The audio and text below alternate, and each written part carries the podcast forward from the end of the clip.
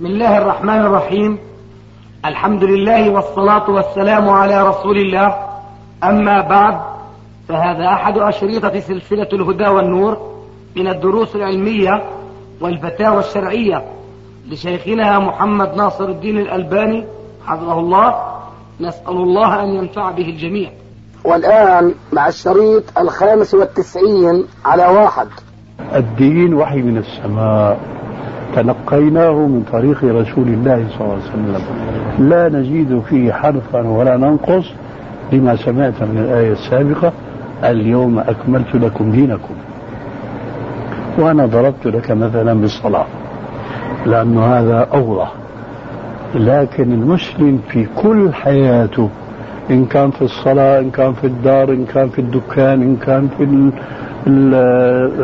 المصنع وإلى آخره فهو يعيش في دائرة الإسلام فلا يجوز أن يخرج عن ذلك قيد أنملة قيد شعرة لأن الإسلام شمل كل الدنيا بأحكامه سواء كنت في الصلاة أو خارج الصلاة سواء كنت نائما أو يقظا سواء كنت تجلس مع زوجتك أو مع شيخك أو ابنك كل له أحكام مضبوطة وواضحة لكن من يعلم, من يعلم ذلك؟ أهل العلم. وكما قال تعالى هل يستوي الذين يعلمون والذين لا يعلمون؟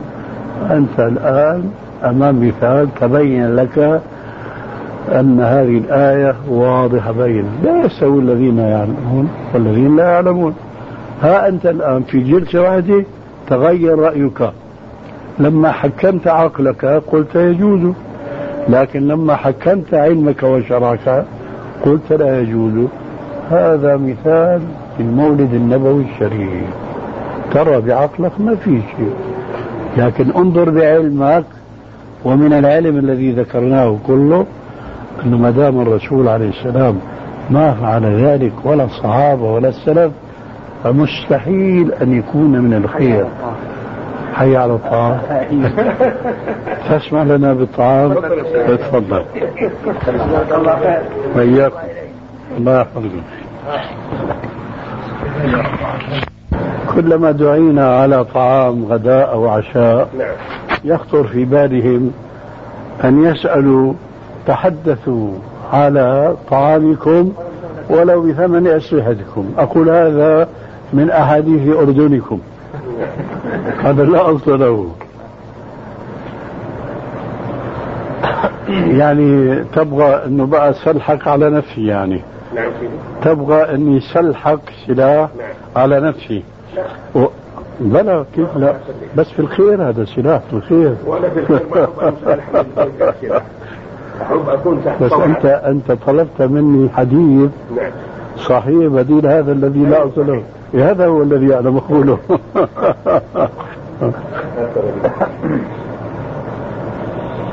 أيوه هذا في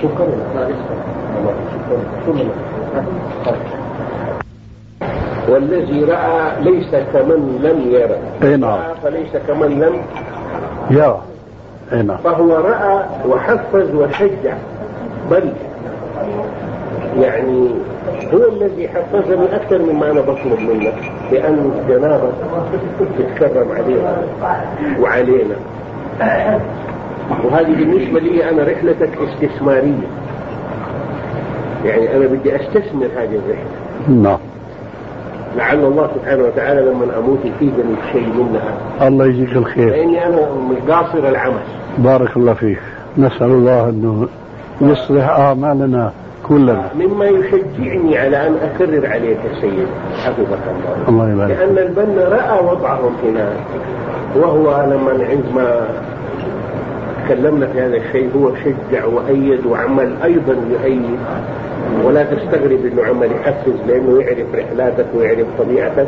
لأنه شاف هناك شيء يمكن يمكن أتجرأ وأقول كثير مهم. نعم. كثير مهم إنه ناصر الدين الألباني يروح ثلاث أيام أو خمس أيام في البنغال أو يومين أو حتى إذا صار يوم واحد. مستعد اعمل لك طيارة واحد يوم. الله يجزيك خير. جزاك الله خيرا. وكتب لك الأجر وقد تزودت بالخير لما بعد الموت سلفا أنا أبشرك بهذا. لأنه النية والحمد لله طيبة. والبذل في سبيل الخير كثير وكثير. فما عليك بعد ذلك تحققت رغبتك فعلا أم لا؟ وكثيرا ما يروي بعض الناس حديثا يقولون نية المرء خير من عمله لكن هذا حديث لا, لا صحة له أيضا. هذا حديث لا صحة له. لكن أنا أسأل خذ يا نور نعم. هذا لمين هذا حقك فيه هذا حقك أيضا أنا هي عندي. أنا يعني لي حقي. أنا ما أقبل إلا حقا واحدا. اللي اعطاك عنه. خذها يا أستاذ عشان طيب بسم الله. مليه مليه مليه ملي فوق. خذوا ملي فوق. بسم الله. أنا أسأل الأستاذ البنا نعم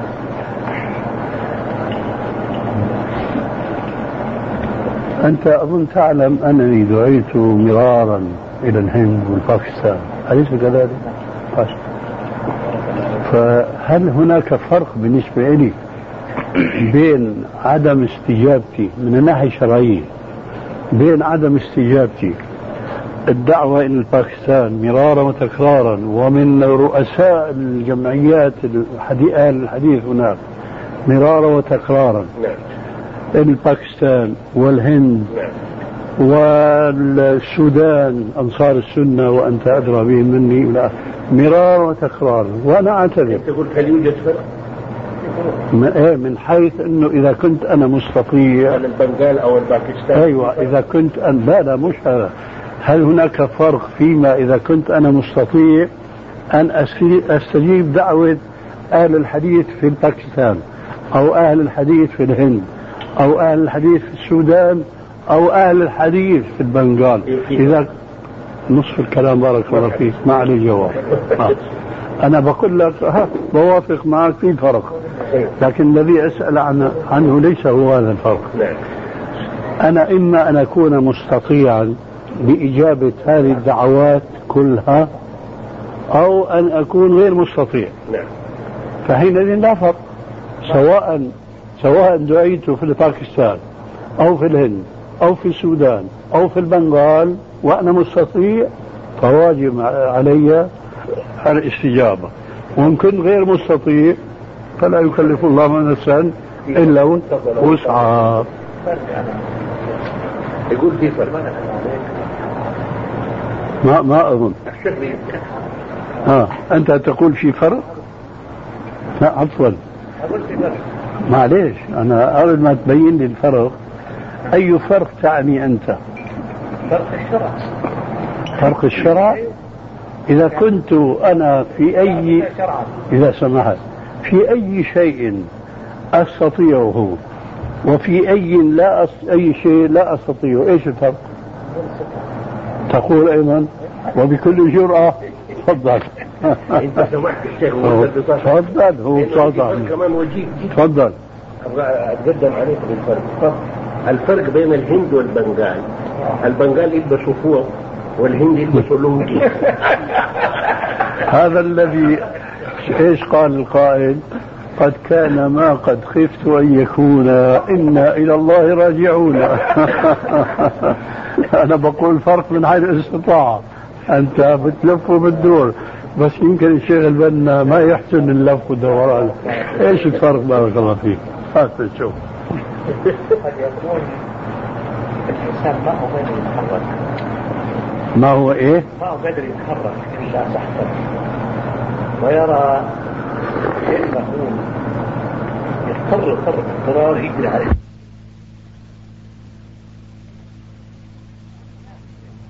لكن مهم جدا في بيسحب وجودكم فرأيي أنا في بارك الله عليك في- فيما أرى يعني أن باكستان فيها الهند فيها والدول السنة فيها يعني فيها ما يكفيها. أما دول كثرة ما عندهم. ما عندهم يعني حد يعني معتمد عليه. ثلاث أيام ما يوم ثلاث أيام. إن شاء الله إن شاء الله. أجر يصل من كل من تثبت ثلاث قدم كل من بنى يصلك الأجر عظيم إن شاء الله. والله سبحانه يعوض عليك الوقت ويسر لك لو تفكر بس لعل لعل الله يسر أما لعل الله هنا شهرين قال راي ما بيعرف شو الحكاية واللي بيعد العصي مو أنت اللي بيأكلها. فإذا وضعنا فرقة الشيخ طول عمرك فرقة الشيخ اتكلم عن عن فرق روحاني ونحن تكلمنا عن فرق معنوي. خلاص أنت خليك عند الكلمة الأولى الكلمة التي أنا وافقت عليها على بياض. بس هذا خير شيء. إن شاء الله. بحول الله. إن شاء الله.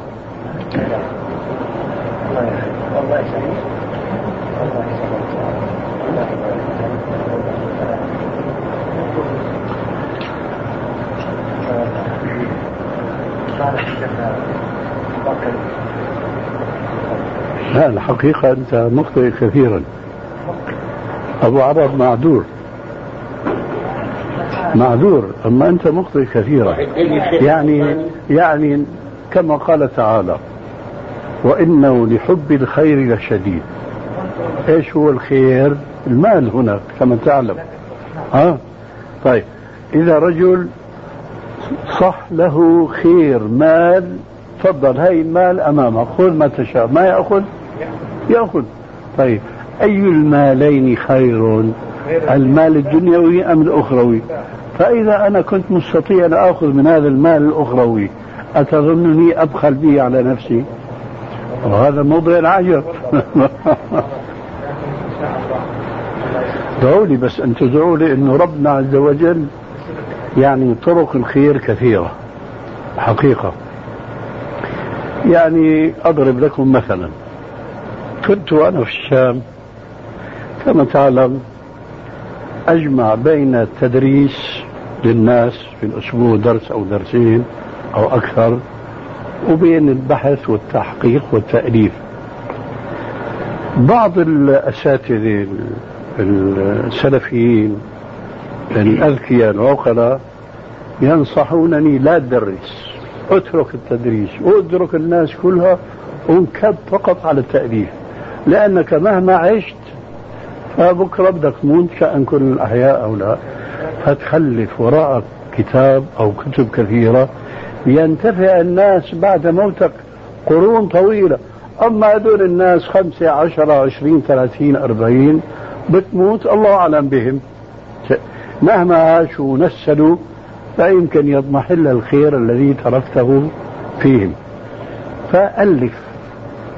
وجهة نظر لكن أنا كنت أرى الجمع بين الأمرين يكون إيه أفضل. لكن لما ما بقى في الكرم إلا الحطب وجدت نفسي أن ذاك الرأي الذي قدم إلي في عز شبابي هذا أوانه. هذا أوانه. ولذلك تعرف أنت كم مرة رحنا إلى المغرب ورحنا إلى بريطانيا ولا يزالون يعني يحضوننا أن نذهب. أعتذر أعتذر. المغرب ولا السودان ولا هنا ولا هنا. لكن ما يقبل الناس العذر لأنه مثل ما قلنا اللي ما يدري شو ما لماذا المغراي ما يعرف شو الحكاية أنا الآن مهما عشت فبده يدركنا الأجر المحتوم فبدي أنا يعني أتدارك هذا المشاريع التي هي بين يدي. فأنا أوثر ذلك على كل شيء على كل شيء على السفر على كذا. العمرة أنا آتي إلى هنا لأقضي فقط أسبوع فقط بالكثير عشر أيام. لكن مكره الأخاك لا بطل أجد نفسي أحيانا مغللا لا أستطيع إلا أن أخل بما كنت آه، ركزته في نفسي أنه بس أسبوع بالكثير عشرة أيام. فأنت بارك الله فيك إذا كان لك حال مع الله وإلك الاستجابة من الدعاء فجرني جرا فأمشي معك. الله وبس. إن شاء الله شاء الله تفضل. آه. يقول إذا عزموك عزيمة وجيت ما تعرف إيش حقيقتها آه. فما شعرت إلا أنت في وسط العزيمة والأكل والمسألة مولد. أيوه. هذا يجب عليك. حال ما تعرف. يعني العزيمة كانت بمناسبة مولد؟ مولد. ها؟ ما شعرت إلا في الوسط أنه مولد نعم. أخذ آه إذا كانت العزيمة يقصدون بها بركة المولد لا تأكل. تخرج تخرج. أي أما إذا كانت العزيمة صدفة كان مولد وأقيمت العزيمة لا من أجل مولد وإنما من أجل دعوة كسائر الدعوات لكن وافق المولد هذا ليس فيه شيء. وإياه طيب يعني مثلا واحد جاء ولده من السفر وحب يسوي له أعرف وسووا الأكلة وجاء الشيخ قري مولد فتصير الأكلة لل- لقدوم السفر. أيوة. فهذه جائز مس- ليس للمولد. لكن إذا كان أقيمت الحفلة خصيصا لأنه عندنا مولد أي نعم. هذا لا يجوز أكله لأنه مذبوح لغير الله. نعم. لا ما نقول مذموم لغير الله لكن الجمع مبتدع. نعم. ما يعتبر شرك؟ يعني هذا؟ لا هذا له بحث ثاني نعم. الله أو يقرؤون قرآن مثلا جاهلين بفهم القرآن. من آبائنا وأجدادنا اللي مضوا وهم على العقيدة عقيدة يعني دعاء الأموات وما أشبه ذلك مما هو حاصل. وماتوا. وظهر لنا مثلا هذا الشيء أنه لا يجوز. فكيف؟ من ناحية الدعاء هل ندعو لهم أم لا؟ وهم لا يعرفون يعني ما عرفوا الحقيقة إنما العلماء اللي موجودين معهم هم اللي دلوهم على هذا الشيء. نعم. أن هذا هو الدين ما في غيره كذا. ما دام أنهم كانوا يحافظون على أركان الإسلام فأنتم تدعون لهم لأنكم لا تعلمون ما في قلوبهم. ولو كان خلاص غرقنا في الطيب بارك الله هذا فيك شيء ثاني شيء ثاني واظن في شيء ثالث كمان. لا بس هذا ريحته طيبة يا شيخ. مسألة من وتر طيبكم الله. ها دحين إن شاء الله ربنا يكرمنا بجوز جزاك الله خير. يا شيخ مما عمل في الظلم كيف؟ مما عمل في آه. الصور. كل حاجة تشتريها فيها صور أي نعم. آه، كل شيء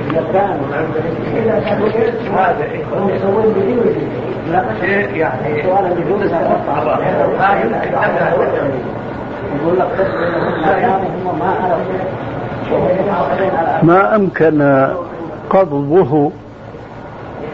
ما أمكن قضبه وشطبه فعل. وما لا يمكن نعود إلى قوله تعالى لا يكلف الله نفسا إلا وسعها.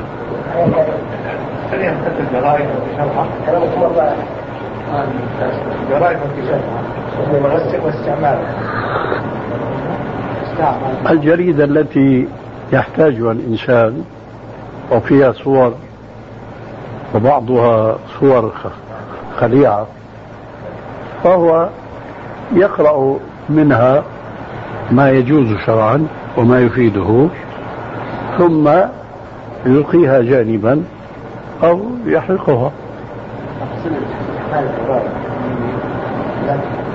لا.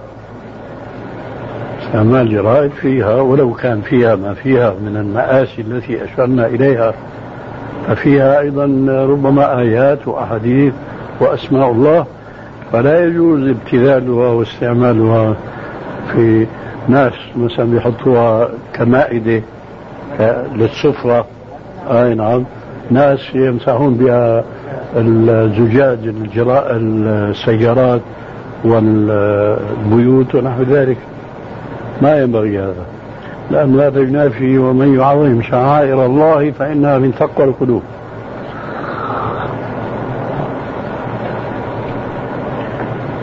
الأذان الذي سمعناه هو أذان ال- المكي طبعا المسجد المكي؟ هو هذا؟ تفضل. طعام أهل الكتاب حل لنا الأساس فيه الحلية طعام أهل الكتاب إذا كان علمت أن طعام أهل الكتاب مثلا أو وجبة معينة عند أهل الكتاب. ذات طقوس دينية. زي مثلا الكريسماس ولا Thanksgiving تحضر هذه الأشياء. في هذا اليوم إذا كان علمت علمت أن الأكلة هذه تمت للمناسبة هذه هل الوجبة هذه كان يجوز لنا أن نأكل منها أم لا؟ لا. ما نأكل. لا. ولا يجوز تأييد الكفار على عاداتهم الدينية مهما كانت أشكالها وصورها طعاما آه، لباسا آه، تعييدا كل هذا لا ينبغي ولا يجوز. طعام الذين أوتوا الكتاب يعني الأكل المعتاد إذا كان, ذبيحة حل وإلا فلا. هات نشوف إيش عندك. أنا عندي صلح خير إن شاء الله. كله خير ان شاء الله في اثنين من الاخوان ما يكون من ذاك الخير لا في اثنين من الأخوان شققا كبار في السن آه. يعني وكل واحد فيهم ربنا أعطاه الحمد لله يعني إنه فاهم أمور الدنيا وهذه الأشياء والدين. ف فهم يعني من تاريخ وفاة والدهم إلى هذا اليوم لا يكلموا بعضهم ابدا. لا إيش؟ ما يتكلموا مع بعض متزاعلين متخاصمين يعني متخاصمين متناثرين على أمور الدين. الله أكبر إيش تنصح؟ إيش تنصحنا هذا الشيء؟ نعم نصلي لا، لابد من الصلاة ندرك الصلاة نشهد قليلا ها؟ خلينا نسوي هنا جماعة لا ما نعمل جماعة هنا. إلا في المسجد. طب المسجد بيننا وبينه عشرة بتاع أو تسعة. زد أضاعف مضاعفة كل خطوة حسنة ومحو بس سيئة هنا ب 100000 في مكة يا سيدي. لا في مكة ينبغي أن تكون في مسجد مكة وليس في مكة كلها. لأنه مو نفس الصلاة. لا مو نفس الصلاة. قال عليه السلام مس صلاة في مسجدي هذا بألف صلاة مما سواه من المساجد إلا المسجد الحرام. الصلاة فيه بمئة صلاة. بمئة ألف. صلاة. والصلاة في مسجد الأقصى بمئتين وخمسين صلاة وليس بخمسمائة صلاة كما هو الشائع.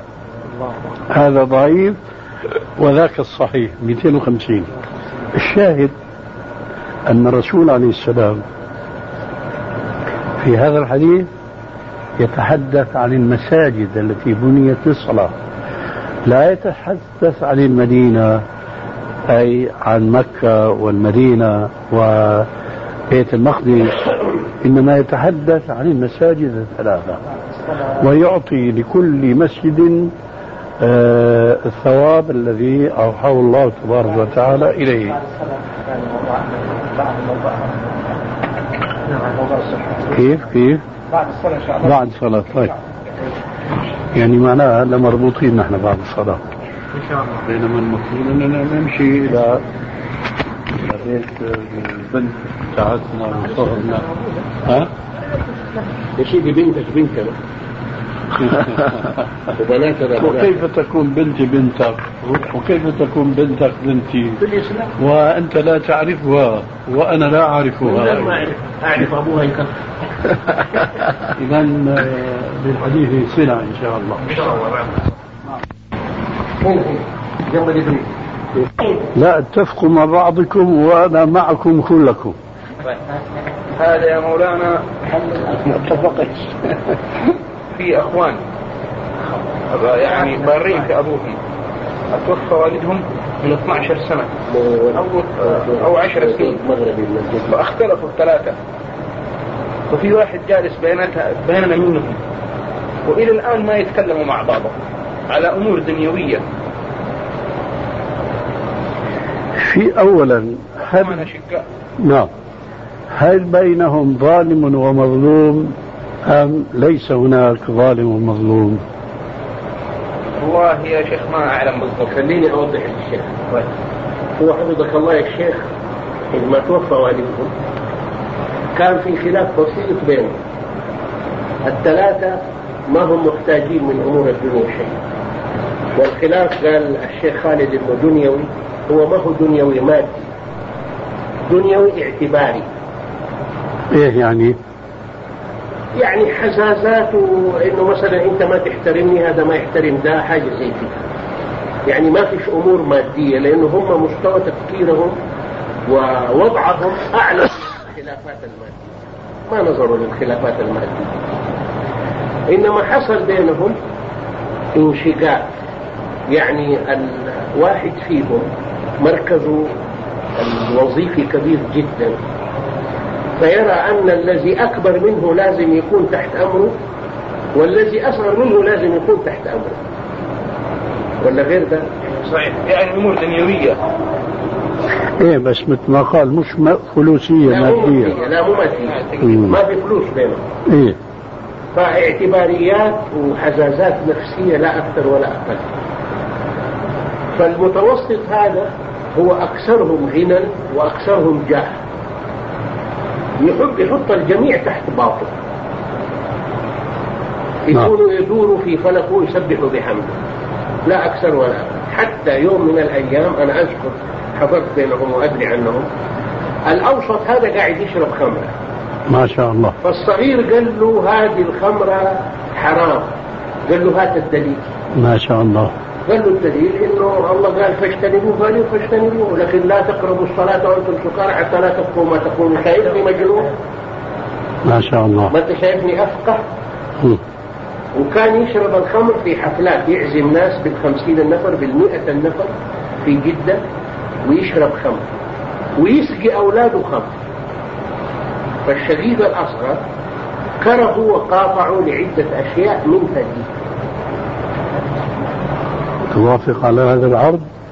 وافق عليه إنه هذا لكن يعني الظاهر لل- للعيان هذا اللي شفته أنا إنه هذا الرجل الأوسط يمكن من سنتين أو ثلاثة ما قد يعني شفت عليه إنه شرب خمر ابدا. يعني يعني يعني تقول إنه تاب؟ إن شاء الله. إن شاء الله. اللي شفته شاكيت يعني حتى إلى أن رحت بيته. أنا رحت أول البارح كانوا يتعشوا شاكيت إلى نعم. غاية أول البارح. إني ما قد يعني الحمد لله يعني شفت عليه هذا الشيء.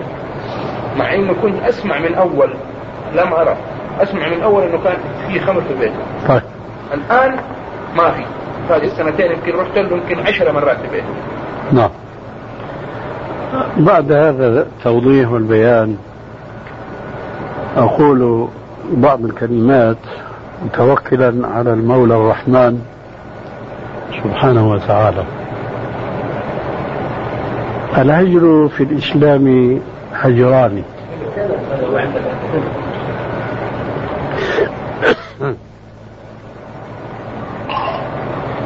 الهجر هجر المسلم لأخيه المسلم في شرع الله على نوعين.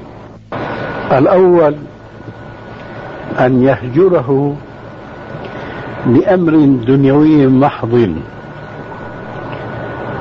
وليس من المهم أن يكون هذا الأمر في الدنيوي مادي أو ذوقي معنوي كما جاء في التفصيل آنفا. إنما هو دنيوي محض. فهذا الهجر محرم في الإسلام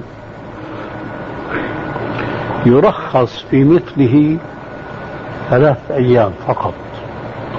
فإذا استمر وزاد على ثلاث أيام يكون حراما. وذلك قوله عليه الصلاة والسلام لا يحل لرجل مسلم أن يهجر أخاه فوق ثلاث يلتقيان. فيدبر هذا عن هذا وهذا عن هذا وخيرهما الذي يبدأ أخاه بالسلام. لا يحل لرجل مسلم أن يهجر أخاه فوق ثلاث. محرم في الإسلام يرخص في مثله ثلاث أيام فقط. فإذا استمر وزاد على ثلاث أيام يكون حراما. وذلك قوله عليه الصلاة والسلام لا يحل لرجل مسلم أن يهجر أخاه فوق ثلاث يلتقيان فيدبر هذا عن هذا وهذا عن هذا وخيرهما الذي يبدأ أخاه بالسلام. لا يحل لرجل مسلم أن يهجر أخاه فوق ثلاث أيام. معناه يجوز ثلاث أيام هذه رخصة من الله تبارك وتعالى. لعباده المؤمنين من باب تفشيش الخلق لأن الإنسان ضيق الخلق. فبيروي غليله في مقاطعة أخوه المسلم يوم يومين ثلاث أيام. ما زاد على ذلك فهو حرام لا يحل. لذلك وصف الرسول عليه السلام هذه مقاطعة بقوله لا يحل لرجل مسلم أن يهجر أخاه فوق ثلاث ليال أو ثلاثة أيام. يلتقيان. يعني واحد رايح واحد جاي. يلتقيان. فبدل أن يلقي أحدهما السلام على الآخر ويرد هذا الآخر يقول عليه السلام يلتقيان. فيعرض هذا عن هذا وهذا عن هذا.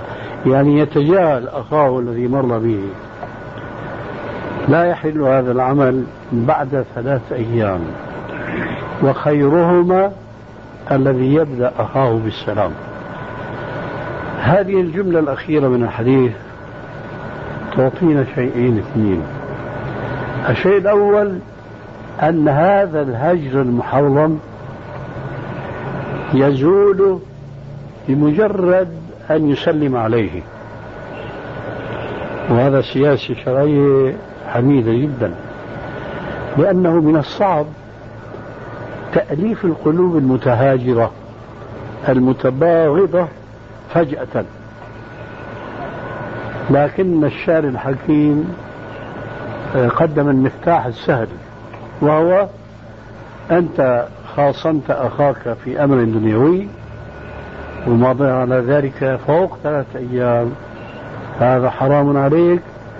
وعليك أن تقطع المقاطعة وأن تقطع المهاجرة وذلك مش ضروري تذهب إلى بيته هذا حسن وهذا جميل وأن تعتذر إليه لكن هذا يحتاج إلى إيمان قوي جدا وهذا قل ما يوجد في الناس فسهل الشارع الحكيم سبيل الخلاص من هذه المهاجرة والمقاطعة بأنك إذا لقيته في الطريق بادرته بالسلام. السلام عليكم. فقد ارتفع الإثم. هذا يؤخذ من قوله وخيرهما الذي يبدأ بالسلام لا شك أن أفضلهما هذا الذي ابتدأ السلام.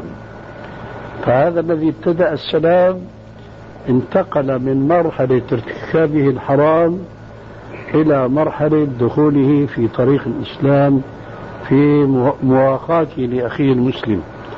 الآخر بلا شك هو أيضا مدابر ومهاجر لأخيه. الآخر الذي ألقي عليه السلام من الأول. يرد السلام أثم هذا ونجا ذاك من الإثم وخيرهما الذي يبدأ بالسلام.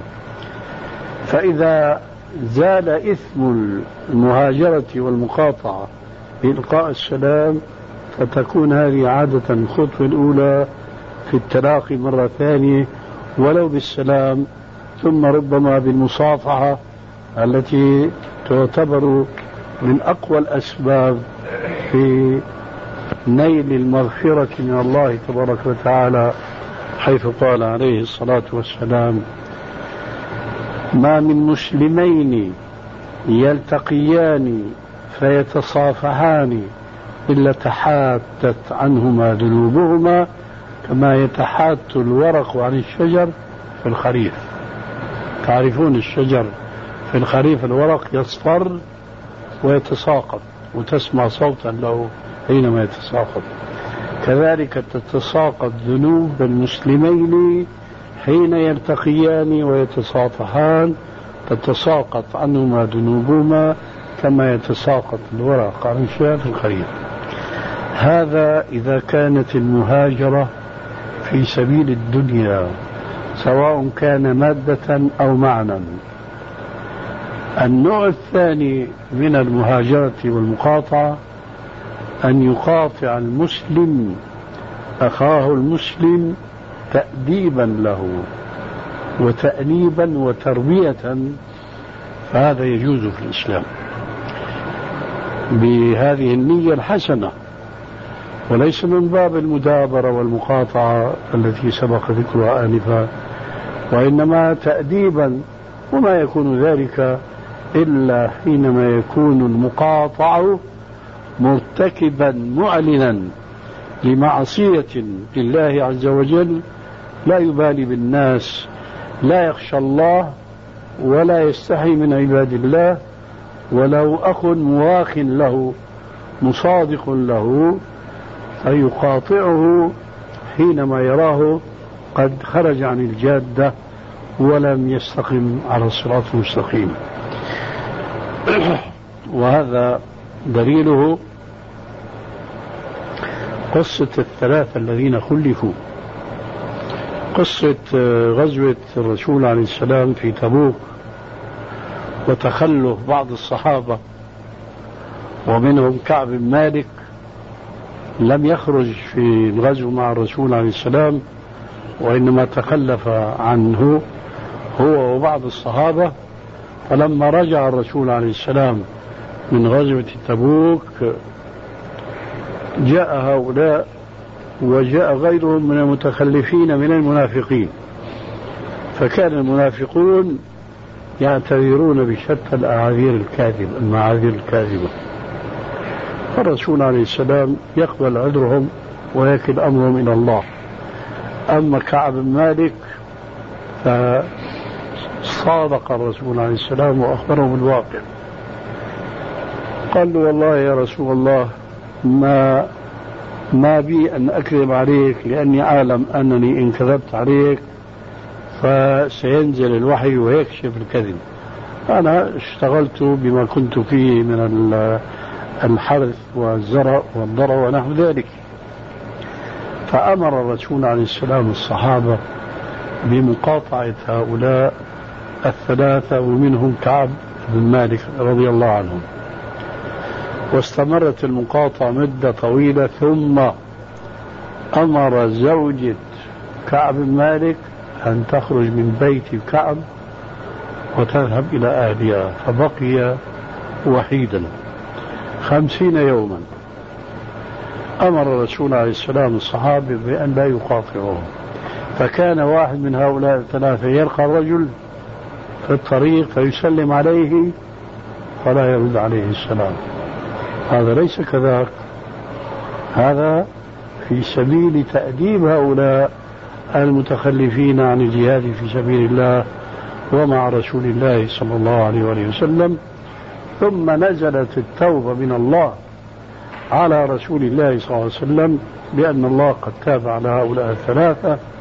فجاء كعب بن مالك إلى رسول الله صلى الله عليه وسلم حينما بشر من أحد أقاربه بأنه قد نزل فيك التوبة من الله عز وجل فجاء ودخل إلى الرسول عليه السلام فقام إليه طلحة واستقبله وهناه بتوبة الله عليه. قصة طويلة جدا وفيها عبر عظيمة وهي في صحيح البخاري. فالشاهد هذه المقاطعة جائزة وهي داخلة في مبدأ الحب في الله والبغض في الله. لكن هذا الشيء مع الأسف اليوم أصبح في خبر كان. نادرا جدا جدا أن تجد أحدا يقاطع المسلم لأنه انحرف عن الطريق لكنه يقاطعه بسبب مادي من الأسباب التي سبق الإشارة إلى بعضها.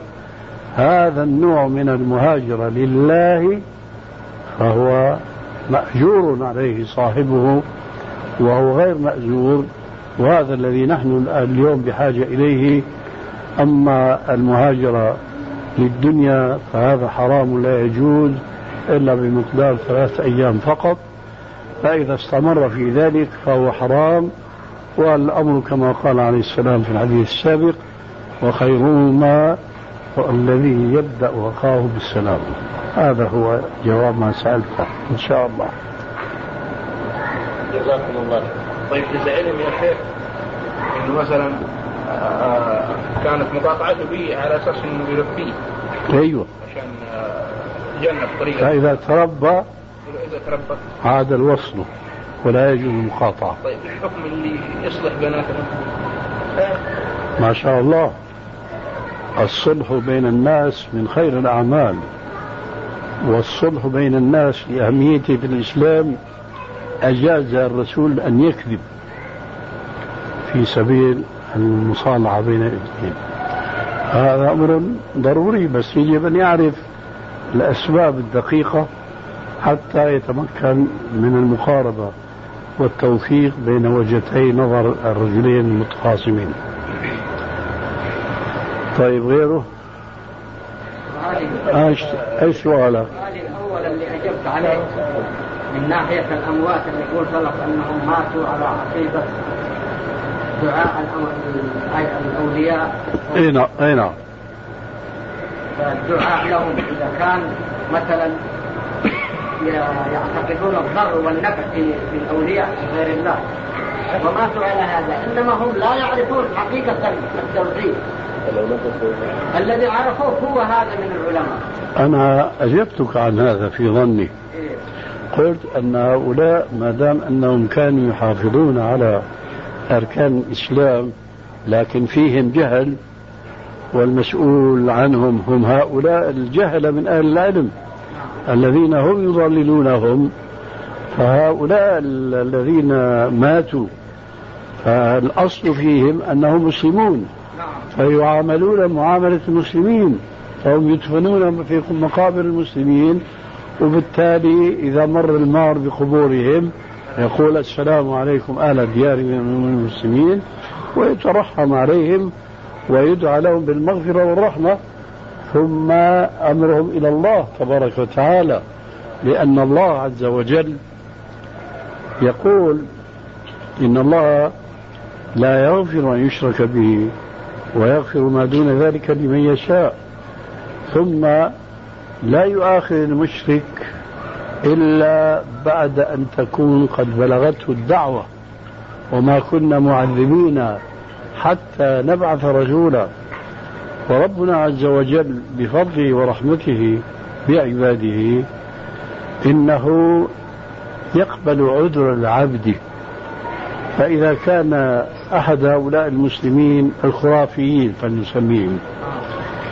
إذا كان أحد هؤلاء الخرافيين من المسلمين ضل سواء السبيل ولم يكن هناك من ينبهه ويحذره وينهاه عن ضلاله فهو يكون معذورا عند ربه تبارك وتعالى. ولا يؤاخذه مؤاخذة الذي أقيمت الحجة عليه.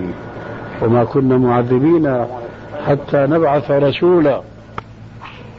أنت بارك الله فيك صب اليد اليسرى صب اليد اليسرى وامسك الفنجان باليمنى وأعطي باليد اليمنى.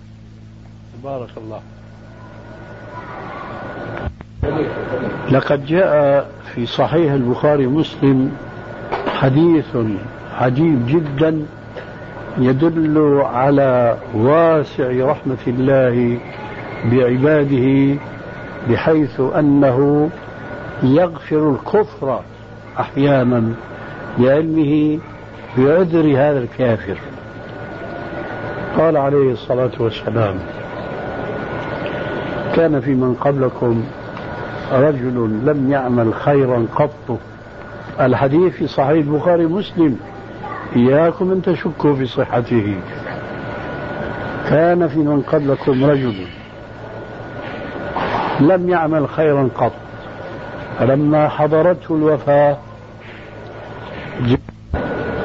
فقال لهم أي أب كنت له؟ وهنا الغرابة الآن تأتي. ولئن قدر الله علي ليعذبني عذابا شديدا. هذا شك في البعث. ألا تشعرون معي؟ يقول ولئن قدر الله علي كأنه يشك في قدرة الله. ولئن قدر الله علي ليعذبني عذابا شديدا. إذا كيف يتخلص هو من عذاب الله الشديد؟ المعترف بأنه هو له لائق. قال فإذا أنا مت فخذوني وحرقوني بالنار ليضل على ربه زعمة.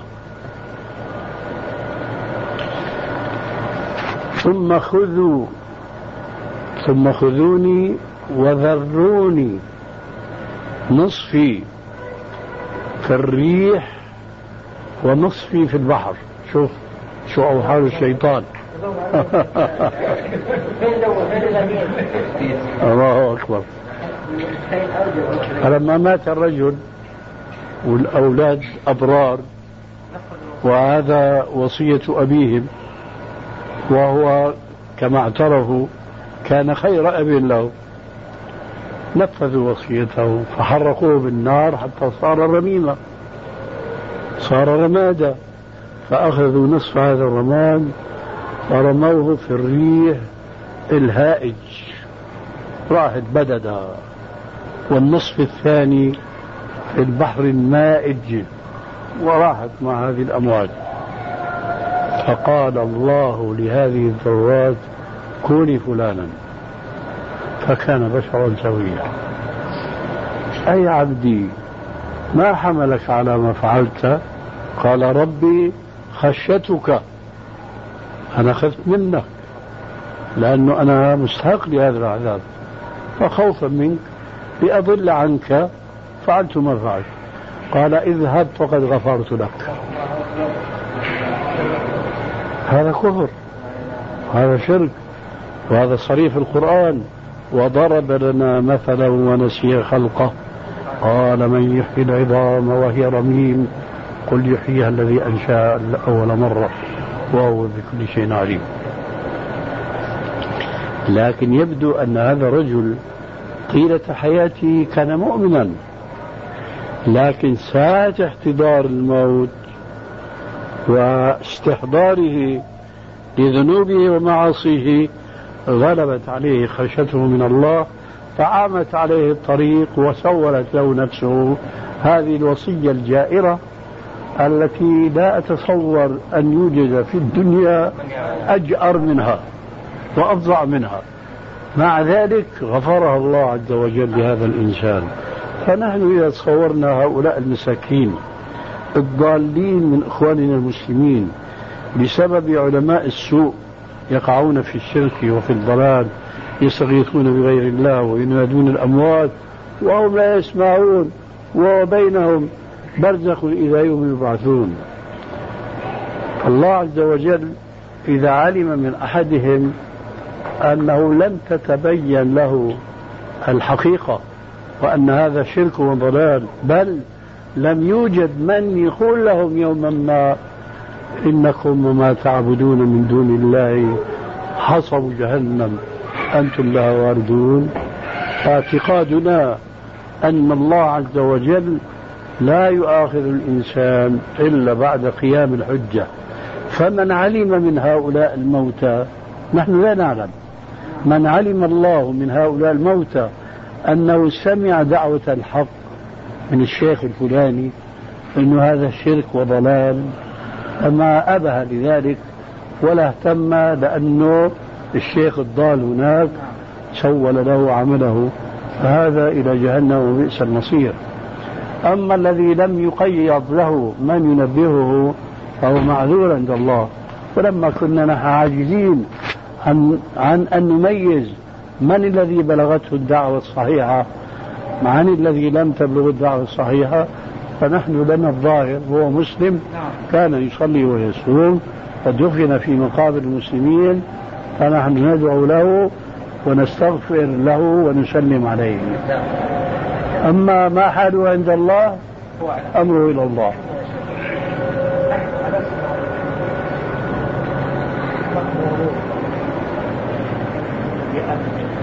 بما نرى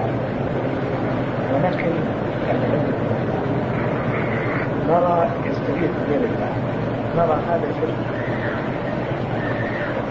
وما فعل هذا الشرك لكن لا نجزم إنه يكون أهل لأنه قد يكون معذورا أما ربنا قال مثلا الذين آمنوا أن يستغفروا المشركين ولا يدخلوا القربى.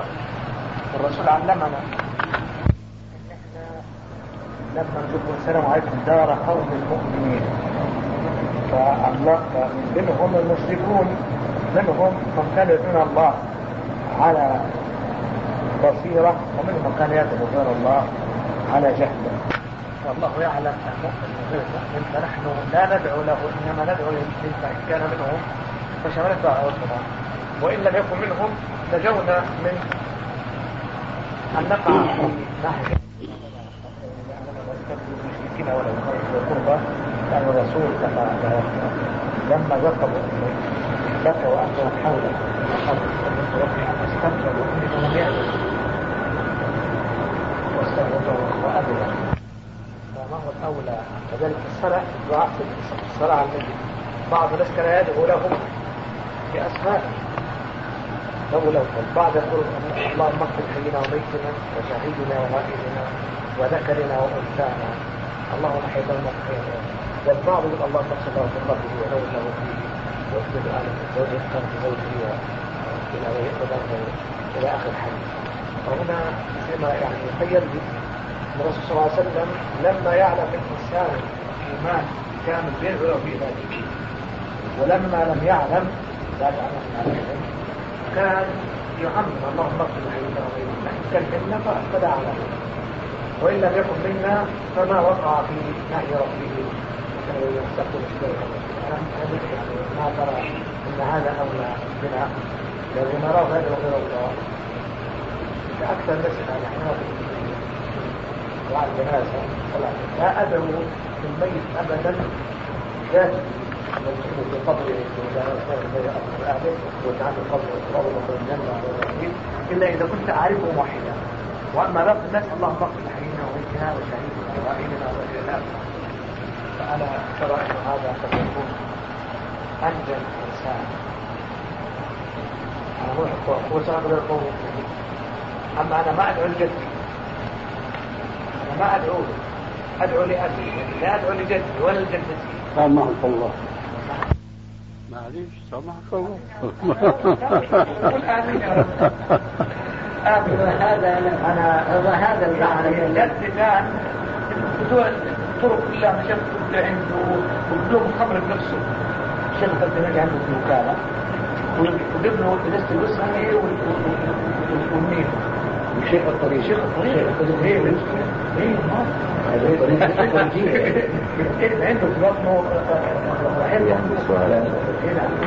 ما هو الشيخ بيسأل آه بعد عينك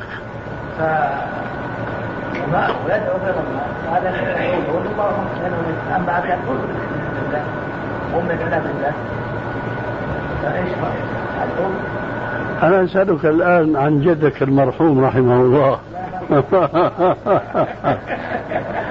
القول مرفوع عن أنت س... أنت تسألني عن شيء فعلته. وأنا بقول لك عن جد المرحوم أنت بتقول يجوز ولا لا؟ جدك المرحوم فيما تعلم. كان يشهد أن لا إله إلا الله محمد رسول الله. لا بد أن تقول. بارك الله فيك. نحن تعلمنا منك يعني خير الكلام ما قل ودل. تعلم أنه كان تعلم أنه كان يقول أشهد. يقول يقول. أنا ما بقول لك إيش في قلبه. ما أسألك عما في قلبي. تقبل يشهد ويقول بس. خلاص. أنت تعلم أن جدك كان يقول لا إله إلا الله محمد رسول الله. هل شققت عن قلبه؟ فوجدت الكفر قد انعقد في قلبه فمنعك أن تستغفر له. قل لا. بس خلاص بارك الله فيك. خلاص مشان إخواننا هذول يتعلموا طريق البحث وياخذوا حريتهم.